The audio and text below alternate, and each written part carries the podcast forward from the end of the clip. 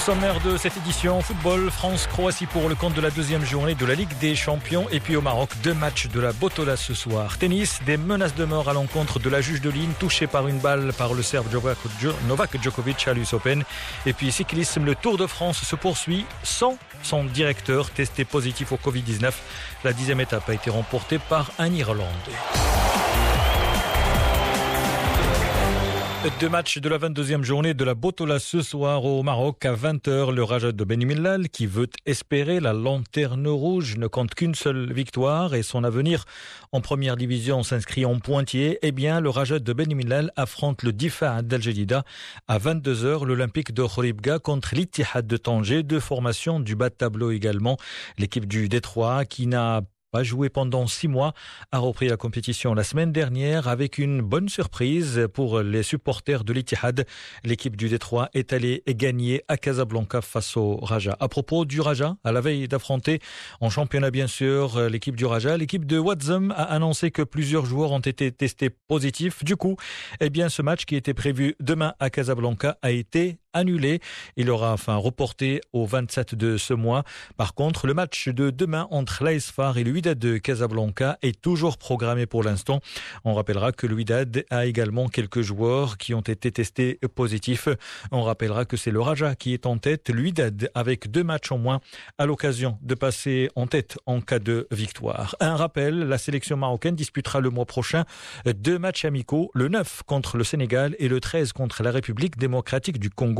Les deux rencontres se dérouleront à Rabat et entrent dans le cadre des préparatifs de la sélection marocaine pour les éliminatoires de la Cannes 2022.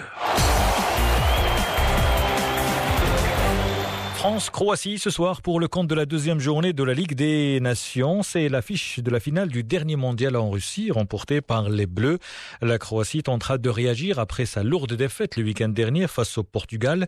C'est le tenant du titre, bien sûr. Et la France a bien entamé la compétition en allant gagner en Suède 1 à 0 grâce à un but de Kylian Mbappé. Et bien justement, les Bleus seront privés de leur star. Kylian Mbappé, la star parisienne, a été testée positive au Covid-19. Pour rappel, le Paris Saint germain à six autres joueurs qui ont été testés positifs. Et bien entendu, se pose la question pour la reprise du Paris Saint-Germain, finaliste de la dernière Ligue des Champions. En championnat, bien sûr, l'équipe devrait affronter Lille en championnat, mais ce match prévu vendredi prochain risque d'être reporté. Le meneur de jeu colombien James Rodriguez s'est engagé pour deux ans avec le club anglais d'Everton, où il retrouvera le bon sur le banc Carlo Ancelotti, qu'il a dirigé au Real Madrid et au Bayern Munich. L'équipe d'Everton A déboursé 25 millions d'euros pour s'attacher les services du joueur âgé de 29 ans euh, qui a passé la saison dernière sur le banc du Real Madrid. Zinedine Zidane, l'entraîneur, ne lui a pas fait confiance.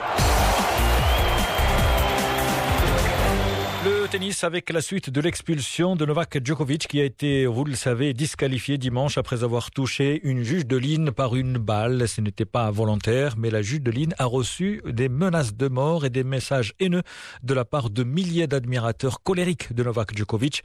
Certains lui ont promis de rejoindre son fils, décédé en 2008 à l'âge de 25 ans dans un accident de vélo. Le Serbe a aussitôt appelé au calme. Je vous demande de rester particulièrement solidaire et attentionné à son égard, a écrit le numéro 1 mondial. Laura Clark est une passionnée de tennis et a gravi les échelons des tournois juniors et collégiaux pour finalement travailler lors d'événements phares du sport tels que l'US Open ou encore la Coupe Davis. Actuellement, elle se repose dans un hôtel et est sous observations par le médecin du tournoi.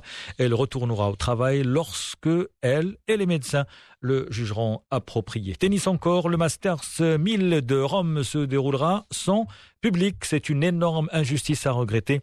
La fédération italienne, le Foro Italico, qui commence lundi prochain, sera marqué par le retour à la compétition de Rafael Nadal, vainqueur à neuf reprises de ce tournoi, attendu sur la terre battue de Rome après avoir renoncé au déplacement aux États-Unis pour l'US Open. Une dernière information concernant le cyclisme. L'Irlandais Sam Bennett a remporté au sprint la dixième étape du Tour de France cet après-midi. C'est son premier succès sur la grande boucle. Le Slovène Primoz Roglic a gardé le maillot jaune de leader. Pour rappel, le Tour est privé de son directeur qui a été testé positif. C'est la fin de cette édition. Merci de votre fidélité. Excellent début de soirée à l'écoute de Média.